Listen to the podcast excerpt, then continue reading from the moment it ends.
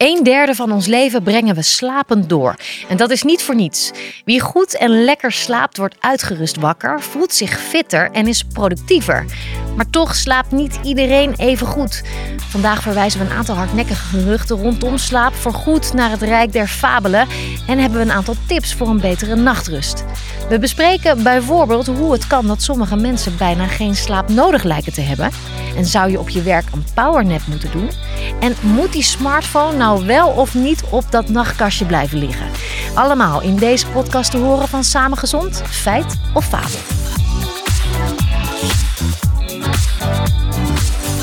En dat doe ik niet alleen. Hier bij mij zit uh, Floris Wouterson, slaapexpert en schrijver van het boek Superslapen.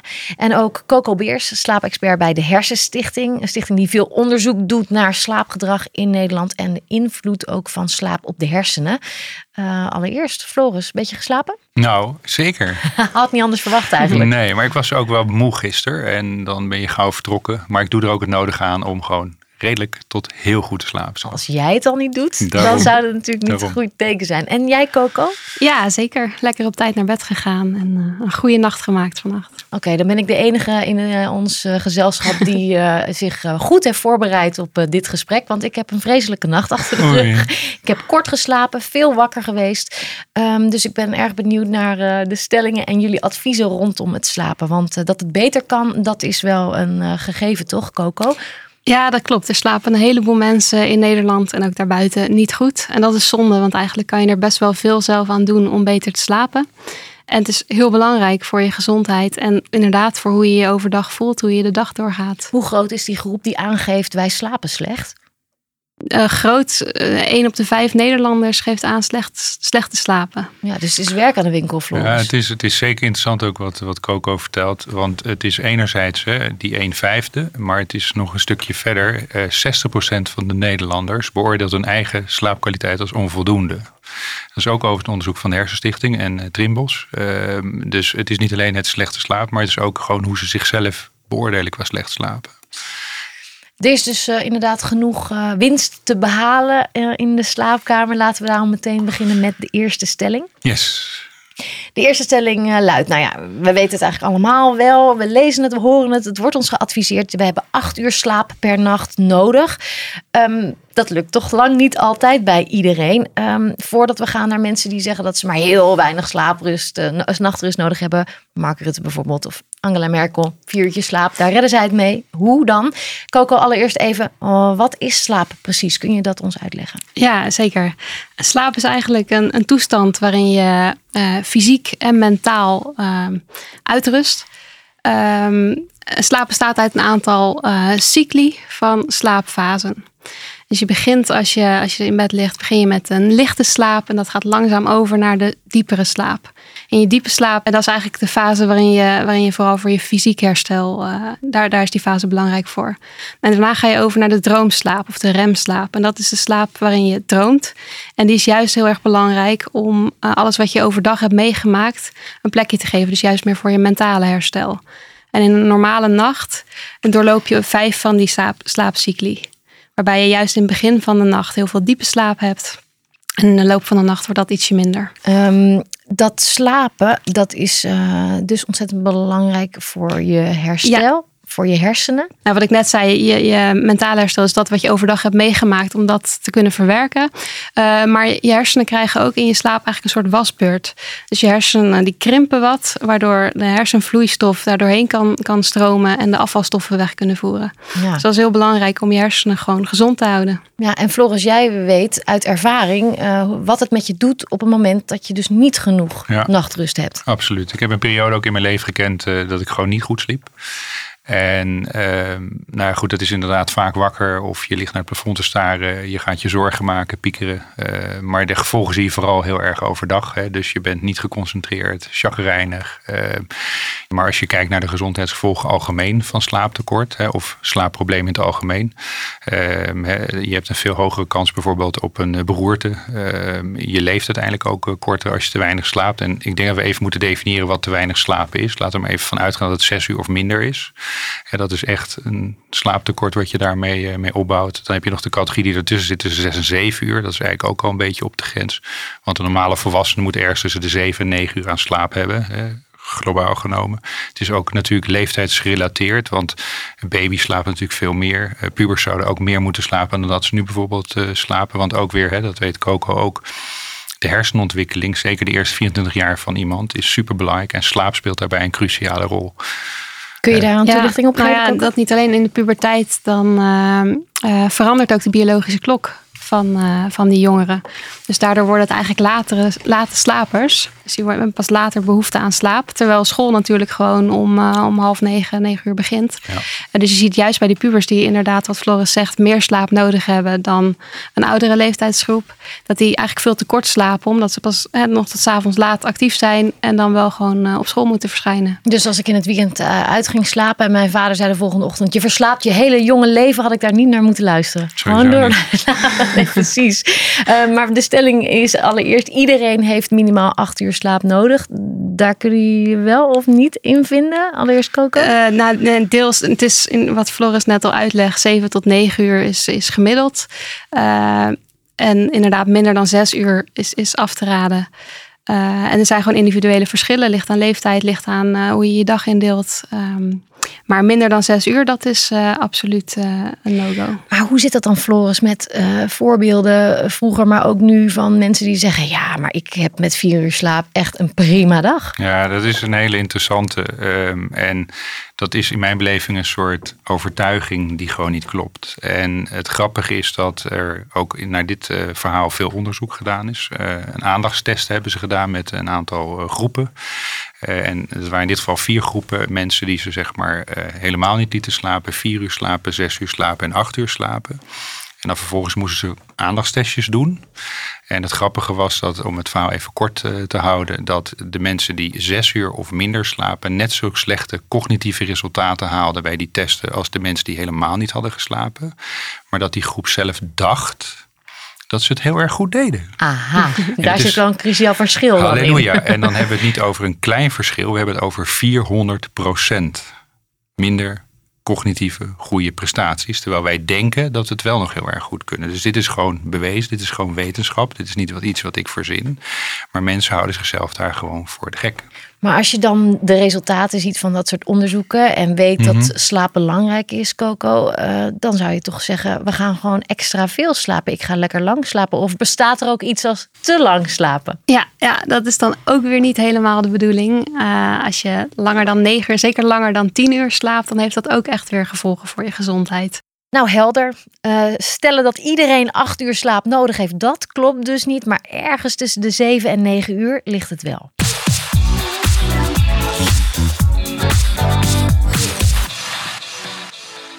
Soms denk je dat je het wel nodig hebt om wat extra uurtjes te pakken. Als je bijvoorbeeld uh, een nachtje hebt doorgehaald. Of misschien werk hebt wat in de nacht zich afspeelt. Waardoor je denkt, nou, ik wil eventjes wat extra uh, slaap inhalen, zo gezegd. Dus uh, de stelling is, een slaapachterstand kun je inhalen. Is dat zo, Floris? Ik denk dat dat ook niet het geval is. Ehm, mijn vraag is even, kun je tijd sparen? Kun je dat op de bank zetten? En hè, volgens mij kan dat niet. En slaap die niet geslapen is, kun je ook niet inhalen. Toch? Als je het zo stelt, dan ben ik het met je eens. Daarom dus. En het belangrijkste is dat je wel een stukje um, zeg maar slaapreserve kunt opbouwen. Tot op zekere hoogte. Maar het gaat vooral over, en we hebben het nu weer over geheugen en over hersenen. Uh, dat is een heel belangrijk punt. Um, de reparatieprocessen die hadden moeten plaatsvinden als je bijvoorbeeld een dagje of een nachtje doorhaalt die kun je niet meer inhalen. Dus eh, de geheugensporen die hadden moeten worden gelegd, die zijn niet gelegd en die zullen ook nooit meer gelegd worden. Dus uh, slaap kun je, wat mij betreft, niet inhalen. Dus, ehm, en het is wel zo dat er ehm, uh, mensen zijn die dat inderdaad hardnekkig denken of geloven. En dan in het weekend bijvoorbeeld gaan uitslapen. Uh, maar dat draagt eigenlijk niet bij aan dat wat je niet geslapen hebt. Hè? Dus dat ben je altijd kwijt. Ja, voor die hersenactiviteit, Coco, daar heeft dat vooral dan ook invloed op? Klopt, ja. Het allerbelangrijkste met slapen is gewoon regelmaat. En vooral elke ochtend hetzelfde tijdstip opstaan. Omdat je anders ook eigenlijk gewoon je hele slaapritme in de war gaat, uh, gaat schoppen. Maar het is toch heerlijk als het weekend is dat je denkt, nou ik kan eventjes een uurtje of misschien wel twee langer blijven liggen. Ja, dat lijkt heerlijk, maar je wordt er echt niet fitter van. Doe je het zelf nooit? Uh, veel minder sinds ik me zo met slaap bezighoud, ja. Ik probeer echt wel uh, hetzelfde tijdstip op te staan als, als door de weeks. Misschien met een uurtje verschil, maar niet meer. Oké, want dat, de, hoe meer, dat haalt dus niks uit. Uh, oh, aan de achterkant, zo gezegd. Hè? Ja. Het, het, het opnieuw aanvullen van je slaap, dat doet het niet. Maar hoe werkt dat dan aan, aan, aan de voorkant? Ja, dus als je inderdaad een nacht tekort hebt geslapen en je bent moe de volgende dag en je denkt ik heb echt wat extra slaap nodig, ga dan gewoon wat eerder naar bed. Dat is een stuk beter ehm, voor je slaapritme, voor, voor hoe je je voelt, dan, uh, dan uitslapen. Maar ik zit nu even praktisch te denken. Hè? Uh, help me even op weg, want het wil nog wel eens voorkomen dat ik niet op dezelfde tijd in bed lig in het weekend. Omdat ik denk, nou, ik ga in mijn sociale leven nog even met vrienden op pad. En dan is het niet een gewone standaard avond. Moet ik dan van tevoren bedenken, Floris, oké, vanavond wordt het misschien laat, ik moet de dag daarvoor eerder naar bed? Of hoe moet ik dat in de praktijk aanpakken? Nou, die regelmaat is ongelooflijk belangrijk. En dat heeft te maken met een heel klein kliertje in onze hersenen. Dat is de nucleus suprachiasmaticus. En die bepaalt in feite hè, alles wat er in ons lichaam qua klok gebeurt. Hè, dus alle processen in ons lichaam. Is dat goed samengevat, Coco? Een term die jij natuurlijk Ik zou hem de biologische klok noemen. Ja, dat is makkelijker. Dus is misschien iets makkelijker. Heel fijn, ja. Goed, en waar het dan om gaat is die regelmaat. En stel dat je op vrijdagavond een hebt. Ja. En het is super gezellig en het wordt drie uur en je gaat je bed in. Dan gaat die wekker om zeven uur, want dat is je vaste opstaattijd. Dan denk je, oh nou, dat ga ik niet doen. Maar er is wel een truc uh, die ik zelf toepas. En dat wil zeggen dat je uh, om zeven uur gewoon je bed uitgaat. Je zorgt dat je de nodige daglicht uh, binnenkrijgt. In de winter doe je het dan met een daglichtlamp of in ieder geval een felle lamp. eet wat, ga naar het toilet, drink iets, een minuutje of twintig. En dan start je eigenlijk alle biologische processen op. Je lichaam heeft dan het idee, oh nou, Floris gaat aan de dag beginnen. En dan duik je gewoon weer je bed in. En dan mag je voor mij een gat in de dag slapen. Maar die processen zijn opgestart. Hè? Dus dat is een soort hack die je kunt doen. Uh, ik zou niet zeggen dat je dat altijd moet doen. Uh, maar dat helpt heel erg. En dan blijf je meer in je ritme. En dat doe ik dan wel eens als ik een nacht op vrijdag of zaterdagavond gefeest heb. Uh, en dat werkt heel goed. Toch jammer. Een slaapachterstand inhalen, dat werkt dus niet.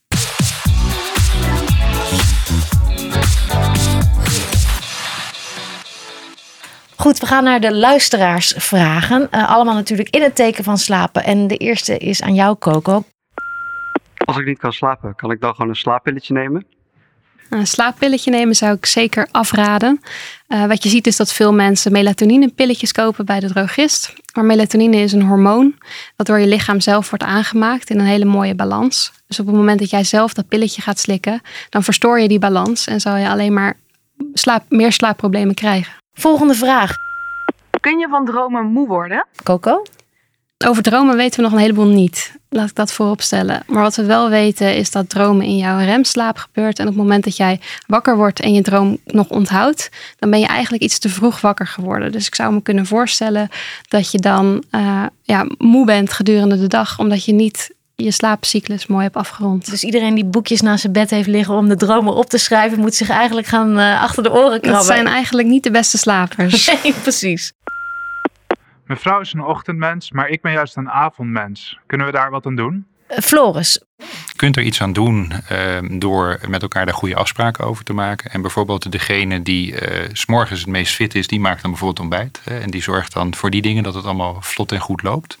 En de ander mag dan iets langer blijven liggen, die dan meer moeite heeft om uit zijn bed te komen. Dus daarmee kun je elkaar een beetje tegemoet komen. En naar de avond toe is het een oplossing om te zeggen dat die persoon wat later in de middag een powernap doet. Waardoor die ongeveer twee uur extra slaapreserve kan opbouwen. Waardoor die wat langer wakker kan blijven. En dan kun je met z'n twee nog zelf op de bank eh, zitten en een beetje televisie kijken. Volgende vraag. Werkt het schoonheidsslaapje echt? Floris? Ja, ik vind het een hele leuke. Uh, ik denk dat als we het hebben over een schoonheidsslaapje overdag, uh, en of dat dan 20 minuten is of een half uur, uh, denk dat dat zeker niet werkt. Uh, waarom niet? Omdat zeg maar ehm, alle processen die echt moeten gebeuren om te stralen, die gebeuren s'nachts. Vooral de kernslaap die bepaalt, en dat zijn de eerste vier uur van de nacht dat je gaat slapen, die bepalen zeg maar die schoonheid. Hè, want dan wordt het menselijk groeihormoon aangemaakt en ook melatonine. En dat zijn twee hele belangrijke hormonen om goed en gezond te blijven. Uh, Coco, een vraag. Voor mijn dochtertje zing ik slaap, kindje slaap. Maar helpen slaapliedjes eigenlijk?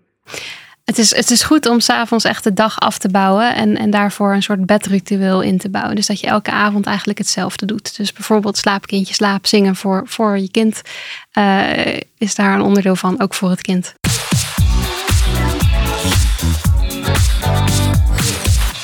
We gaan verder met de volgende stelling. En die gaat inderdaad over het gebruik van schermen. Laten we beginnen met de smartphone. We zijn natuurlijk vandaag de dag echt onafscheidelijk met die dingen. Sommigen slapen echt uh, met hun werk omdat de telefoon nog in de hand is of onder het kussen. Andere mensen die uh, sluiten de dag af door het kijken van wat afleveringen van hun favoriete serie. Daarom is de stelling: de smartphone moet de slaapkamer uit. Ik begin met jou, Coco. Wat je natuurlijk vaak hoort als het gaat om schermen. En dan hebben mensen het over blauw licht. En dat dat dan zo'n effect heeft op je slaap. Nou ja, daar is de wetenschap eigenlijk nog niet helemaal over uit. Of dat nou wel zo erg is. Maar wat wel zo is, is dat op het moment dat jij op je telefoon zit. Je gewoon super actief blijft. Je hersenen blijven gewoon uh, volle bak aan de gang. Uh, je, je, zit appjes te lezen, nieuws, je zit erover na te denken, je bent aan het reageren, dus je blijft actief. En dat zorgt dat je eigenlijk je dag niet goed afbouwt, dat je niet goed afschakelt en dat je op het moment dat je dan je ogen dicht doet, nog steeds volle bak in die activiteit zit ik ben wel nieuwsgierig hoe dat dan werkt voor sommige mensen die uh, soms dat doen, maar wel meteen in slaap vallen. Want daar zit misschien wel onderscheid in. Als ik kijk naar uh, de eigen slaapkamer. Mijn vriend zou dat absoluut niet moeten doen. Voor mij maakt het niet zo heel veel uit. Ik val vrij makkelijk in slaap. Ja, ja, een goede vraag. En sommige mensen hebben denk ik het geluk dat het hele makkelijke slapers zijn. Maar dan is het nog steeds wel de vraag of je nog wel goed in je diepe slaap komt. En dat verschil kunnen we dus wel maken, uh, Floris. Goede slapers, uh, makkelijke slapers zo gezegd en, en, minder makkelijke slapers. Ja, die, dat verschil kun je wel maken. Maar een aspect wat hier nog niet uh, besproken is... het feit van scrollen op een timeline en het zoeken naar likes en allerlei dingetjes...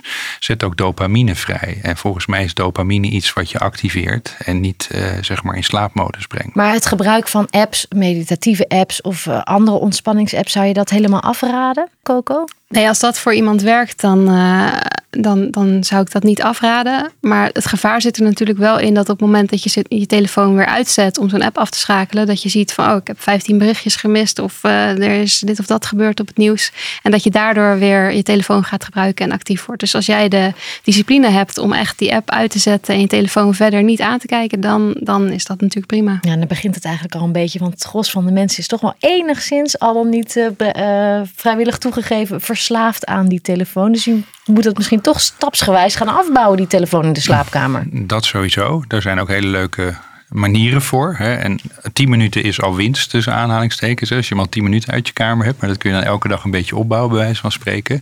Maar wat ik nog veel belangrijker vind, is ook met die telefoon in de kamer, in de slaapkamer. Wat doe je s'morgens als je wakker wordt? Ja, ga je dan even gezellig je vriend of vriendin een knuffel geven en gewoon even van het mooie weer genieten of whatever? Of hang je alweer meteen op dat ding? En daarmee laat je jezelf alweer vol met weet ik wat allemaal. En dat is niet wat je s'morgens in de ochtend moet doen. Dan maar moet ja, als je telefoon je wekker is, dat is Ja. natuurlijk het eerste argument, hè, Floris? Ja, Ja. dan koop je een echte dan, wekker. Dan doe je, ja, of je, je, je, je- er zijn een heleboel goede andere manieren voor. Nou, je moet natuurlijk niks, maar het is wel verstandig om die smartphone uit de slaapkamer te verbannen.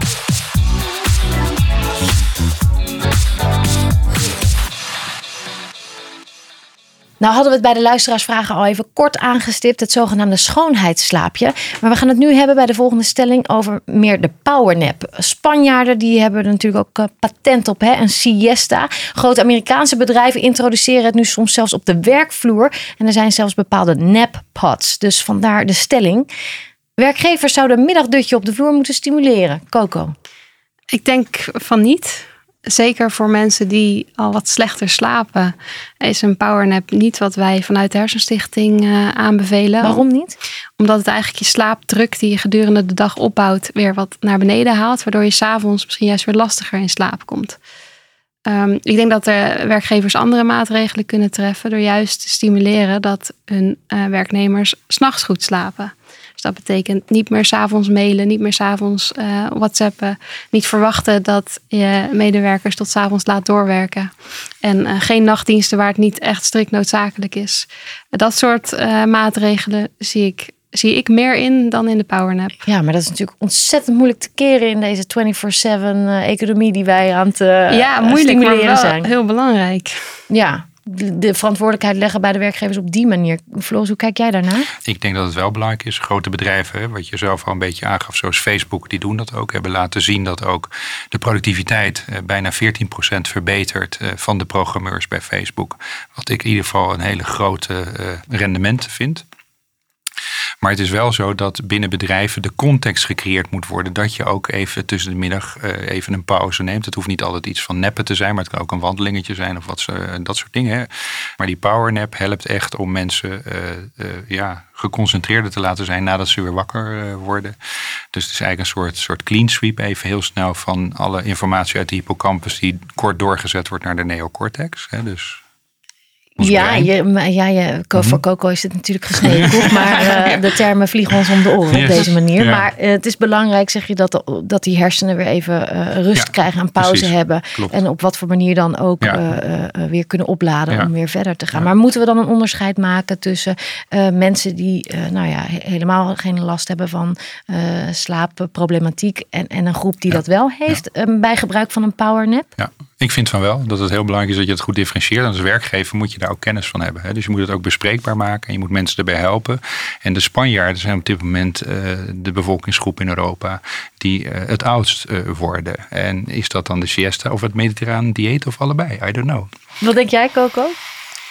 Ik denk een combinatie misschien. Eh, wat je ook wel ziet in de maatschappij van nu, is dat ook in Spanje de siesta wel een beetje minder wordt. Eh, ik denk persoonlijk dat als je s'nachts goed slaapt, dat je die siesta overdag niet zo hard nodig hebt. Kijk, daar in Spanje is het natuurlijk anders, omdat ze later naar bed gaan en überhaupt minder uren maken. Maar in de Nederlandse maatschappij eh, denk ik dat als je een goede nachtrust hebt, dat je die siesta niet nodig hebt. Eh, of die powernap. En dat ik zou veel meer willen pleiten voor ga lekker in je pauze even een rondje naar buiten. Want juist ook bewegen is weer is sowieso goed voor je natuurlijk. Maar ook weer goed om s'nachts, eh, s s'avonds in slaap te komen. Er zit natuurlijk ook iets tegenstrijdigs in, toch, Floris? Dat een werkgever juist alles in werking stelt om gedurende de werkdag, om die zo optimaal te gebruiken, iets gaat inbouwen, zodat er beter gepresteerd wordt. Maar eigenlijk werken we daardoor misschien toch weer harder. Ja, ik weet niet of we harder werken. Ik denk doordat je beter slaapt, en dat geldt ook voor de nacht. Hè. Als je goed slaapt s'nachts, uh, dan ben je sowieso veel productiever en een fijnere collega. En je hebt meer plezier en je bent gewoon hè, in het algemeen. Of het nou het runnen van je gezin is of een voetbalteam of gewoon op je werk. Um, dus slaap is zeg maar gewoon uh, de hidden gem uh, om gewoon je de hele dag lekker en goed en fris en vitaal te voelen. Maar een slaapruimte op het werk, dan zou je toch beter kunnen zeggen: ga lekker vroeg naar huis en besteed die tijd kan met ook. Uh, He, dus er zijn, er zijn natuurlijk meerdere oplossingen voor, het, uh, voor, voor, voor, voor dit verhaal. Alleen slaap moet veel prominenter worden belangrijker ja. gemaakt worden. Um, toch nog even naar uh, die powernap. Mensen die er wel bij zweren en daar wel gebruik van maken. Soms, ik heb het zelf ook ervaren, kan het ook wel zo zijn dat zo'n powernap je juist wat vermoeider maakt als je in de middag wakker wordt. Hoe zit dat, Coco? Ja, waarschijnlijk heb je dan te lang Uh, ben je in je diepe slaap terechtgekomen. En als je daar dan uit wakker wordt, dan, dan voel je je eigenlijk vermoeider dan hoe je erin ging. Dus het is belangrijk om hem kort te houden. Kunnen we daar een tijdsindicatie aan geven of is dat lastig? Ik zou zeggen maximaal 20 minuten. Floris, ja, er zijn ja. twee, er zijn meerdere mogelijkheden. En het is helemaal juist wat Coco ook zegt. Je moet niet te lang slapen. Dat is voor iedereen ook weer een klein beetje individueel. Maar ik heb er wel een leuke truc voor als je die graag wil, wil weten. Um, het is namelijk zo, slaap zijn uh, golven. Hè? Dus je hebt beta, alpha, theta en delta. Dat zijn ze. En op het moment dat je zeg maar vanuit de alfa-fase uh, naar de theta gaat, dan ontspannen al je spieren. En ten tweede ben je nog heel gevoelig voor geluid. Je kent dat misschien wel eens dat je in bed ligt en zo half sluimerend bent. Je weet nog wel een beetje wat er om je heen gebeurt. Ik noem dat de Twilight Zone. De Twilight Zone. Ja. Dat is een supermooie naam, vind ik dat. Uh, maar die gevoeligheid van geluid, en de Japanners hebben dit geoptimaliseerd. Die nemen dan een sleutelbos in de hand, ga ergens op een plek zitten waar je zeg maar lekker kunt ontspannen. Niet in je eigen bed, maar gewoon uh, op de bank of ergens in een Goeie auto. Stoel. Ja, ik heb het ook wel eens op toiletten gedaan, uh, waar het gewoon niet helemaal gepast was om uh, zeg maar een slaapje te doen. Want ik ben een absolute fan van, van napping. En ik neem dan een sleutelbos in mijn handen. Ik ga zitten. Ik zak dan uiteindelijk van de beta of van de alfa en de theta fase. Mijn spieren ontspannen. Mijn sleutelbos wordt op de grond. Ik ben meteen wakker. En ik zak niet in die theta fase waar dan te veel hormonen worden aangemaakt. Voor een hele cyclus of langer. En dan ben je zo duf. Maar er is nog een truc. En dat heeft, tip 2. Tip 2 is het verhaal met koffie. Koffie heeft ongeveer, uh, in dit geval cafeïne, 20 minuten de tijd nodig om opgenomen te worden in je bloed. En wat je dus kunt doen, voordat je gaat neppen, neem je een kop koffie. je doet die nep, dan kikt de koffie in, in je bloed. En word je wakker en ben je minder moe. Goeie tips die mensen ook echt in de praktijk kunnen toepassen. Ik hoop het. Dankjewel. Conclusie: powernappen is niet voor iedereen, maar het is wel noodzakelijk dat werkgevers het belang van goede nachtrust inzien en voldoende pauze stimuleren.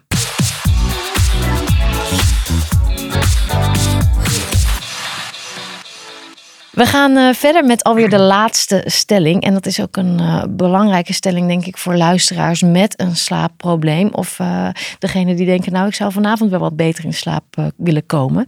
de stelling luidt: je kunt trainen om goed te slapen. Laat ik beginnen bij jou, Floris. Ja, ik ben het daar helemaal mee eens.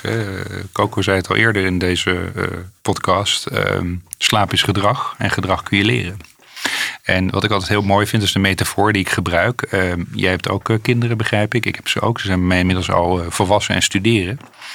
Ehm, maar bij kinderen heb je altijd een heel sterk avondritueel bijvoorbeeld. Hè? Dus het is pyjamaatje aan, tandjes poetsen, boekje voorlezen, licht een beetje dimmen. En dan op een gegeven moment is zo'n kleintje vertrokken.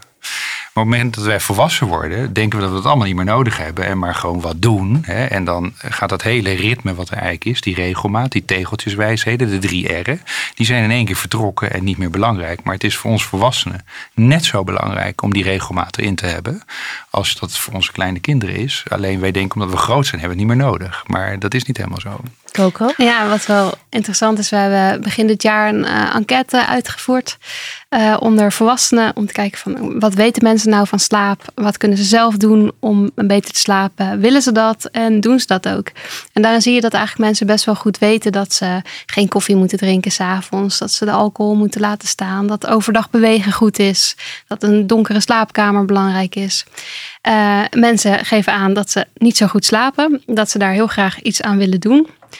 Ze weten, ze hebben de kennis, maar uh, ze doen het niet. Dus daar is nog een hele grote stap te behalen. Want voor een hele grote groep mensen geldt dat je echt nog wel heel veel relatief eenvoudige gedragingen kan veranderen om gewoon veel beter te slapen. Maar hoe denk je dat het komt? Dat we dat dus dan niet de stap zetten om het te verbeteren? Ja, dat is natuurlijk met al het gezonde gedrag. Dat is, dat is moeilijk. Hè? Met eten zie je dat ook. Je wilt gezond eten, maar een hamburger op zijn tijd is toch wel erg lekker.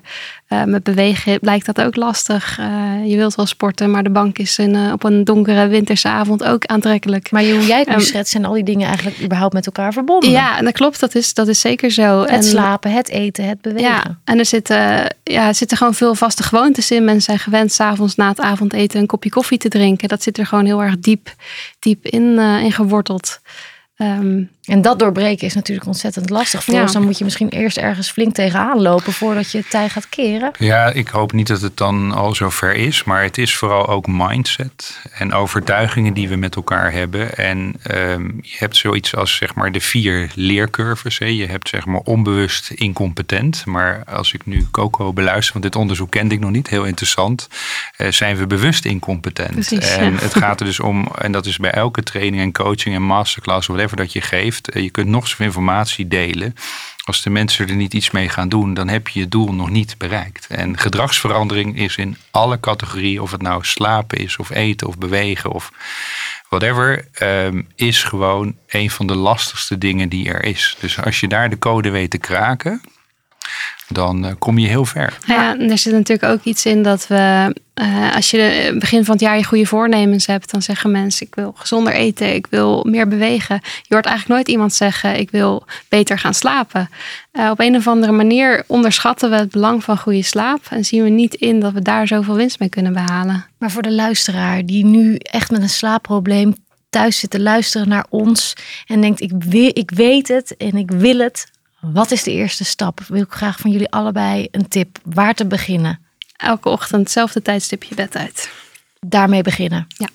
Ja, een vast slaapvenster neerzetten. Dus ook het uur van slapen gaan zou ik uh, vastleggen. En ook het uur van opstaan. En daar je inderdaad zeven dagen aan houden. Dus niet alleen. Niet denken het is weekend. Woep, woep, we gaan, ik ga toch gaan even uitslapen. Maar bar het, is, het is heel kort door de bocht. Ik snap dat je één tip wil. Want je kunt niet een soort warme deken over iedereen gooien. En zeggen dit is de oplossing. Het is heel erg belangrijk om eerst eens te meten. En meten is weten. Uh, hou een slaap-wakenkalender bij. Een week lang. Die kun je overal downloaden. Ik heb er overigens ook een in mijn boek staan. En wij hebben de neiging als mensen ehm, niet altijd goed te herinneren wat er eigenlijk de dag ervoor gebeurd is. Want als ik jou nu vraag, wat, wat was je aan het doen op 9-11? Oh, dat weten we dan nog Dat wel. hè? weet je heel Ja, erg precies. En ik ook. Ik weet waar ik zat. Ik weet wat er gebeurde, et cetera, et cetera. Maar op 12 eh, september eh, weet ik niet meer wat ik gedaan heb. Nee. En dat is ook, al is het maar een week. eh, ik weet niet of jij nog precies weet wat je eergisteren gegeten hebt. Ik weet het niet meer. Dus hou het bij. Nou, ik eh, moet dan echt even graven. Daarom. inderdaad. En dan hou zo'n kalender bij. En dan kun je veel gerichter gaan kijken waar in feite je valkuilen zitten. En wat misschien ook nog wel belangrijk is, is dat er natuurlijk ook een groep mensen is die zelfs als ze keurig alle slaaptips opvolgen, nog steeds slecht slapen. En voor die mensen is het gewoon heel belangrijk om naar een arts te gaan en daar gerichte hulp voor te zoeken. Dat gebeurt soms ook misschien te laat. Dat denk ik wel. Ik denk dat mensen het vaak onderschatten. En misschien ook denken dat er niks aan te doen is, dat het bij hun hoort. Maar er is best, in de meeste gevallen is er echt nog wel iets aan te doen. Ja, en er zijn ontzettend veel stappen die gezet kunnen worden om onze slapen te verbeteren. En dat begint misschien niet per se bij een wekker, maar wel bij onze biologische klok. Absoluut. Dank jullie wel voor Dank jullie wel. wijsheid en tips. Graag gedaan. En fijn te weten dat je slapen wel degelijk kunt trainen. Om je nou op weg te helpen, ga naar onze site samengezond.nl slash slapen. Daar vind je onze slaaptest en nog veel meer tips voor een goede nachtrust. Dankjewel voor het luisteren en ik zou zeggen alvast welterusten.